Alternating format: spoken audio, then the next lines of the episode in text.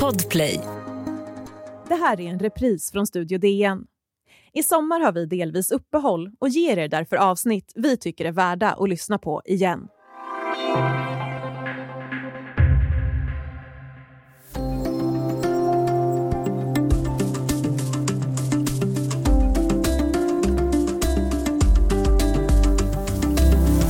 Vad stämmer bäst in på dig? Måste man småprata hela tiden eller kan man inte bara få babbla lite nu?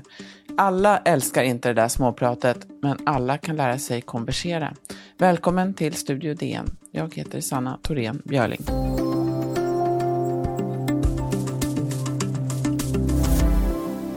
Ja, om man är bekväm med att småprata eller inte kan bero på var man har vuxit upp.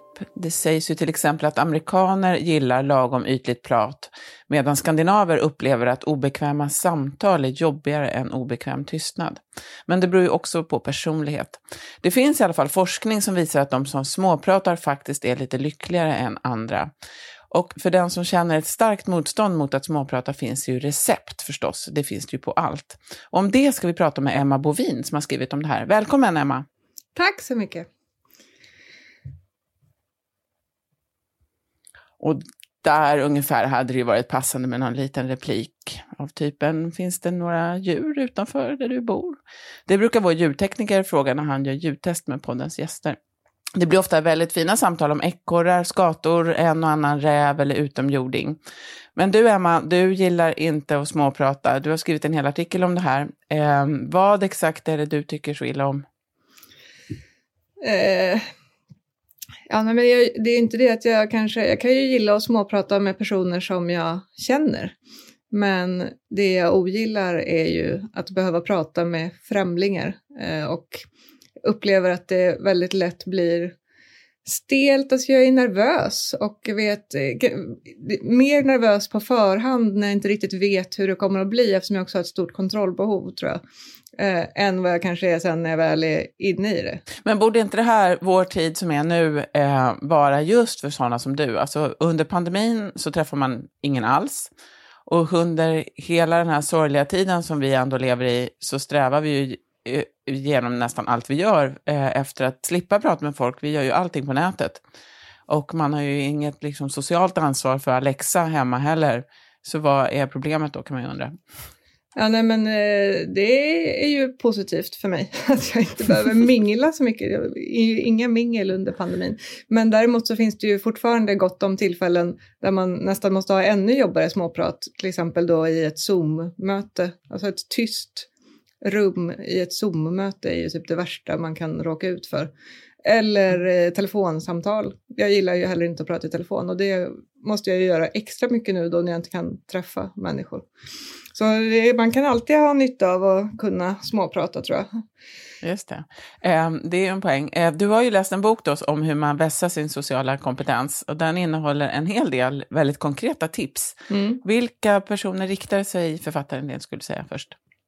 Ja, men han skriver ju på baksidan att eh, känner du olust, olust inför dragningen på jobbet, får du tunghäfta bland de andra föräldrarna på förskolan, det är ju jag, eh, blir ofta missförstådd på sociala medier eller under arbetsmöten och får du hellre feber än en mingelinbjudan, det är också jag.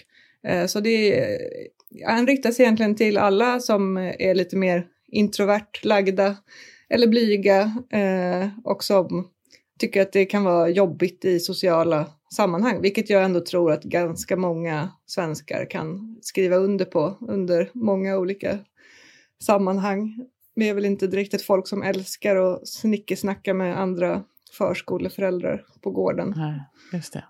Han heter Nicolas Jacquemot, ska man säga, den här författaren. Han är en mm. svensk etnolog som har disputerat på management för eh, vardagsrelationer på jobbet, eller något liknande. Han har skrivit ganska många böcker om sociala relationer och ledarskap. Mm. Eh, en sak som han föreslår där och som du nämner är ju ögonkontakt. Eh, varför är det bra?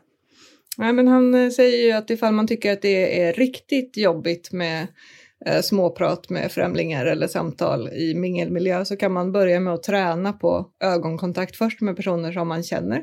För att det är ändå ganska intimt att titta någon i ögonen. Det är ju liksom första steget för att skapa en närmare kontakt. Så om man tycker att det känns väldigt motigt med hela den här sociala kontakten så är det så man ska börja med att när man pratar med sina vänner att eh, träna på att titta dem i ögonen och sen så kan man då gå vidare till Sen kan man inte bara stå på ett mingel och stirra någon i ögonen och vara tyst, det kommer inte funka. Men det är liksom en upptrappning för att när man också tittar någon i ögonen så blir det ju naturligt att man pratar med den personen. Och känner man sig bekväm med det liksom i sin hemmiljö så enligt honom så kommer det att gå lättare även på andra ställen. Just det, så man börjar med att titta folk som man eh, känner sig trygg med i ja, ögonen? Precis. Ja, okay. Jag tänkte annars så, så är det ju, tycker man att är det någonting man ska undvika om man inte vill prata med folk så är det just ögonkontakt. Eh, precis. det blir, kan bli en väldigt jobbig situation om man bara står och stirrar någon i ögonen och inte säger något. Det kan ju missuppfattas också. Ja, ja jag rekommenderar inte det. Eh, vilka ämnen då är bra att prata om för den som har tunghäfta? Ja, men enligt Nicolas så behöver man ju inte sätta ribban så himla högt, för det kan ju också bidra till att man känner sig ännu mer obekväm om man ska börja prata om något jätteavancerat ämne som man inte känner sig hemma på. Eh, så han rekommenderar ju just de här klyschiga ämnena eftersom klyschor enligt honom då blir klyschor av en orsak. Så vädret kan man börja med. Eller någonting som bara, han tar ju som exempel då eftersom jag eh, berättar för honom om hur min granne kommer ut eh, när jag står och skrapar bilen. Och grannen säger ja det här är väl ändå den bästa formen av vintermotion eller någonting sånt. Och jag blir helt så här.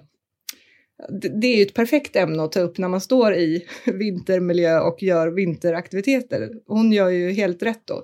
Eh, men jag kunde inte riktigt ta emot det så jag hummade bara något och hoppade in i bilen och drog. Men det kommer jag inte göra nu när jag har lärt mig den här sociala kompetensen av honom. Just det, eh, pandemin tycker jag har blivit ett sånt där ämne, precis som vädret. Alltså alla ja, pratar verkligen. om pandemin hela tiden. Mm. Verkligen, det, jag tänkte på det när jag åkte taxi igår för första gången på länge. Att eh, man nu också bara kan säga, har du varit sjuk? Och så fattar alla precis vad man menar, för det finns ju bara en sjukdom som någon undrar om. Och det mm. öppnade upp för ett samtal som jag sedan hade under hela den här taxiresan om antikroppstester och andra som hade blivit sjuka och hur man har mått och ja, men sådär. Det kan, det kan man verkligen prata om tillräckligt mm. länge för ett småpratssamtal. Jag tycker det tråkiga brukar vara att det som man allra helst kanske vill prata om, som är intressantast, som, som politik och religion och sex och sånt, det är ju sånt som man inte får prata om i småprat, sägs det. Nej, det, det avråder ju Nicolas Jacquemot ifrån, just eftersom det är så kallade eh, laddade ämnen. Och det, alltså, vet man ingenting om en person så vet man ju heller inte ifall den råkar vara abortmotståndare eller militant eller vad det nu kan vara. Och då kan det ju bli ganska jobbigt om man kommer in där med sitt tillåtande abortmentalitetssnack. Just det. Vi ska alldeles strax eh, prata lite mer om eh, tipsen för hur man kan bli en bättre småpratare.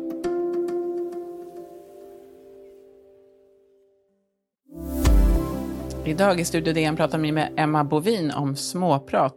Du Emma, vad tycker du? Tycker du att det finns en skillnad eh, att småprata med sådana som är ytligt bekanta och sådana som är helt totala främlingar? Tycker du att det ena är jobbigare än det andra?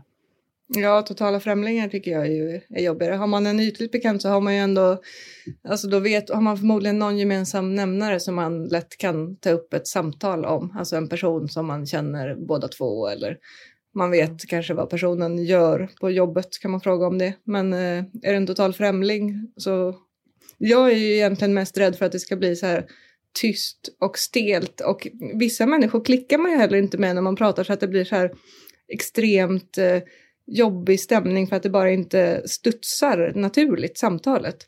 Mm. Och det behöver man ju egentligen inte bry sig om. Men jag tycker att det är jobbigt och när man tycker att det är jobbigt så blir det ju ännu jobbigare. Eh. Jag kan tycka ibland att det nästan är jobbigare med sådana som är ytligt bekanta, särskilt när man inte riktigt kan placera dem. Eh, för att ja, man vet inte jobbigt. riktigt vilken intimitetsnivå man ska lägga sig på. Om det är en helt total främling, då kan man ju ibland säga saker som är mycket mer personliga, därför att det spelar liksom ingen roll. Och de man riskerar aldrig att lämna ut någon bekant eller så. Nej, det är sant. Det finns forskning faktiskt som visar, eh, från USA som visar att eh, de som pratar med okända människor, till exempel i tunnelbanan, blir lite glada av det eh, efteråt. De kanske inte tror att de kommer att bli det, men de blir det. Mm. Eh, vad är din erfarenhet om du liksom har tvingats in i ett småprat eh, i någon situation? Brukar du bli på gott humör av det? Ja, ja men jag blev faktiskt på väldigt gott humör av det här taxisamtalet som jag hade igår, just eftersom jag också är en person som brukar sitta helt tyst när jag åker taxi. Men nu har jag börjat träna på det här med att småprata lite med främlingar som jag ändå är i en miljö där jag, jag, skulle, jag ska inte säga att jag skulle gå så långt så att jag skulle börja prata med någon på tunnelbanan, där är jag inte än, men eh, också i eh, butiker, alltså att jag testar att ställa någon liten fråga eller säga något trevligt. Och jag tycker faktiskt att det gör att jag, man känner sig lite mer som en bättre människa på något sätt när man har kommunicerat med en okänd person. Och det här kanske är någonting som är en självklarhet för människor som är lite mer socialt kompetenta än jag. Men eh, jag som är i början av det här tycker ändå att det är, givande på något sätt. Och det är också för att man märker att det är inte så svårt liksom. Nej, jag tror att det är, det du har jätte, jättevanligt precis där. Och det, det har också sån här forskning visat, eh, läste jag någonstans, att just den där barriären att börja prata upplevs ofta som det allra jobbigaste. Mm. Eh, men det där med att småprata i butiker, jag tycker ju eh, alltid att det är roligt att prata om USA. Och amerikaner brukar ju beskyllas för att vara väldigt ytliga med sina leenden och sina how are you hela tiden. Och mm. det betyder ju inte att de bryr sig det minsta om hur man mår. Eh, men jag tycker att det där, jag kommer att gilla det där lite grann, att eh, de här mötena är, är ju faktiskt inte alltid så himla ytliga, mest är de korta. Mm. Eh, de behöver inte vara meningslösa, de är väldigt korta bara. Vad tänker du om det där? Nej, men jag håller med. Men däremot så kan eh, amerikaner just skrämma mig eftersom de är så otroligt bra på att småprata.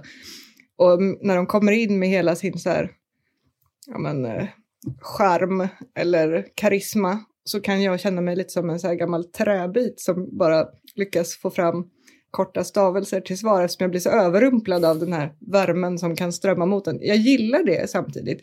Men alltså framförallt om man pratar med en amerikansk ungdom. Alltså, jag kan ju knappt prata med min 17-åriga bror för han svarar ju enstavigt på tilltal. Liksom. Men kommer en 17-årig amerikan så kan man ju verkligen känna sig som en totalt asocial person som inte lyckas uppbåda hälften av den här kompetensen på att småprata. Så det är lite både och. Alltså jag gillar, jag önskar att jag var mer sån, men jag är inte det och det blir väldigt tydligt när jag träffar en amerikansk person. En annan sak som Nicolas Jacquemot skriver om eh, som ett tips, det är ju att fråga. Det där är lite smart, för nästan alla älskar att prata, älskar att prata om sig själva och då mm. vältrar man ju också över en del av ansvaret för hela samtalet. Mm. Du är ju eh, expert på att fråga, för du är ju journalist. Eh, eh, vi jobbar ju med det här. Kan inte du avslöja lite grann, har inte du några, vilka är dina bästa frågor?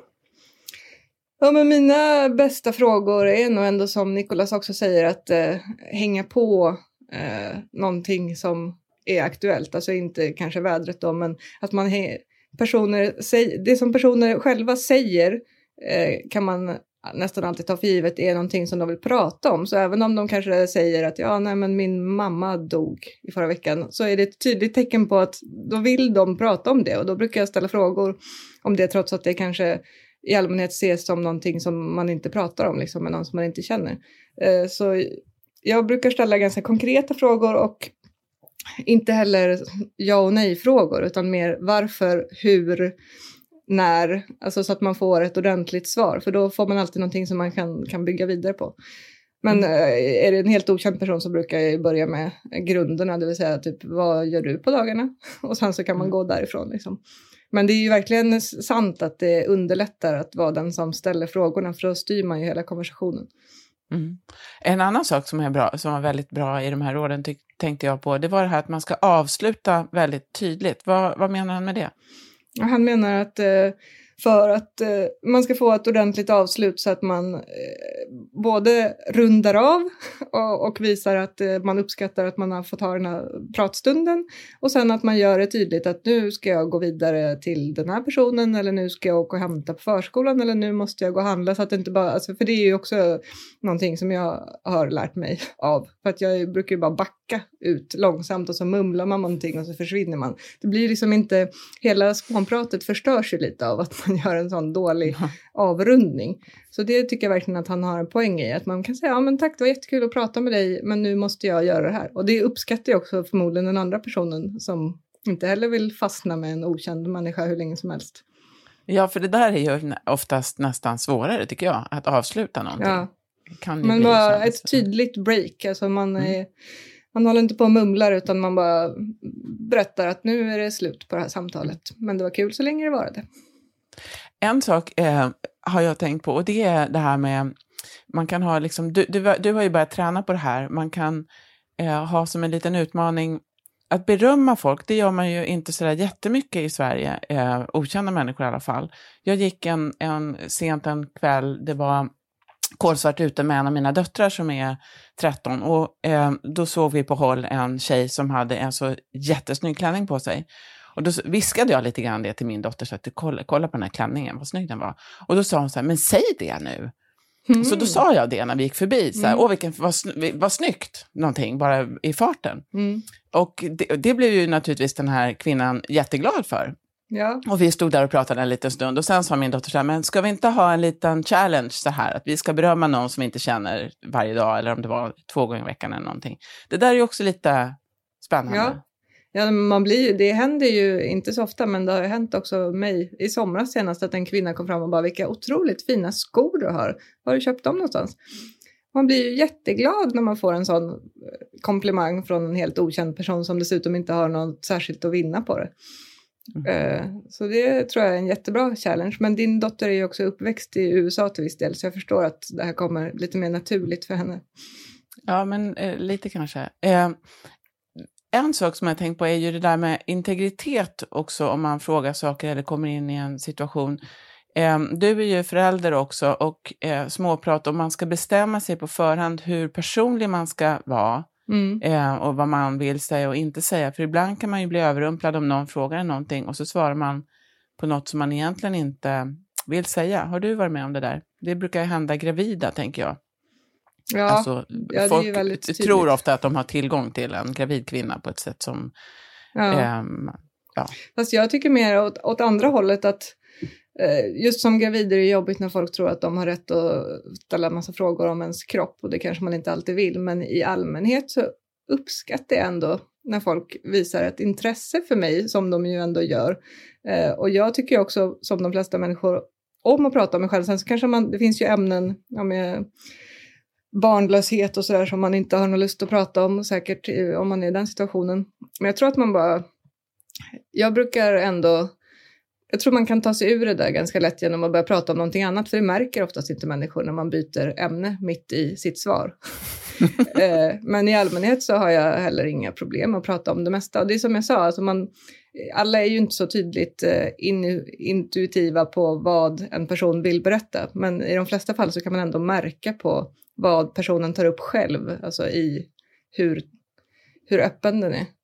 Eh, och jag uppmuntrar ändå att man ska prata om inte bara vädret utan om saker som betyder någonting, för de flesta tycker ändå om det. Mm. Men vad skulle du säga då, avslutningsvis? Här? Tycker, har du, småpratar du mer nu sen du läste den här boken eller skrev den här artikeln? Ja, men det är ju också för att jag har in, alltså man, när man får positiv feedback på det man gör så blir det ju lätt att man fortsätter och det upplever jag verkligen att, att jag har fått. Alltså att det, jag känner mig som en trevligare person och det är ju en trevlig känsla. Eh, däremot har jag fortfarande inte börjat prata med föräldrarna på förskolegården, eh, så det är väl nästa steg nu då, att jag ska försöka komma in i det snacket. I det tugget, ja, förskoletugget. Ja. tack så jättemycket för att du var med där, Emma. Ja, men tack, det var kul. Studio DN görs för Podplay av producent Sabina Marmelakai, exekutiv producent Augustin Erba, ljudtekniker Patrik Miesenberger och teknik Oliver Bergman, Bauer Media. Jag heter Sanna Thorén Björling.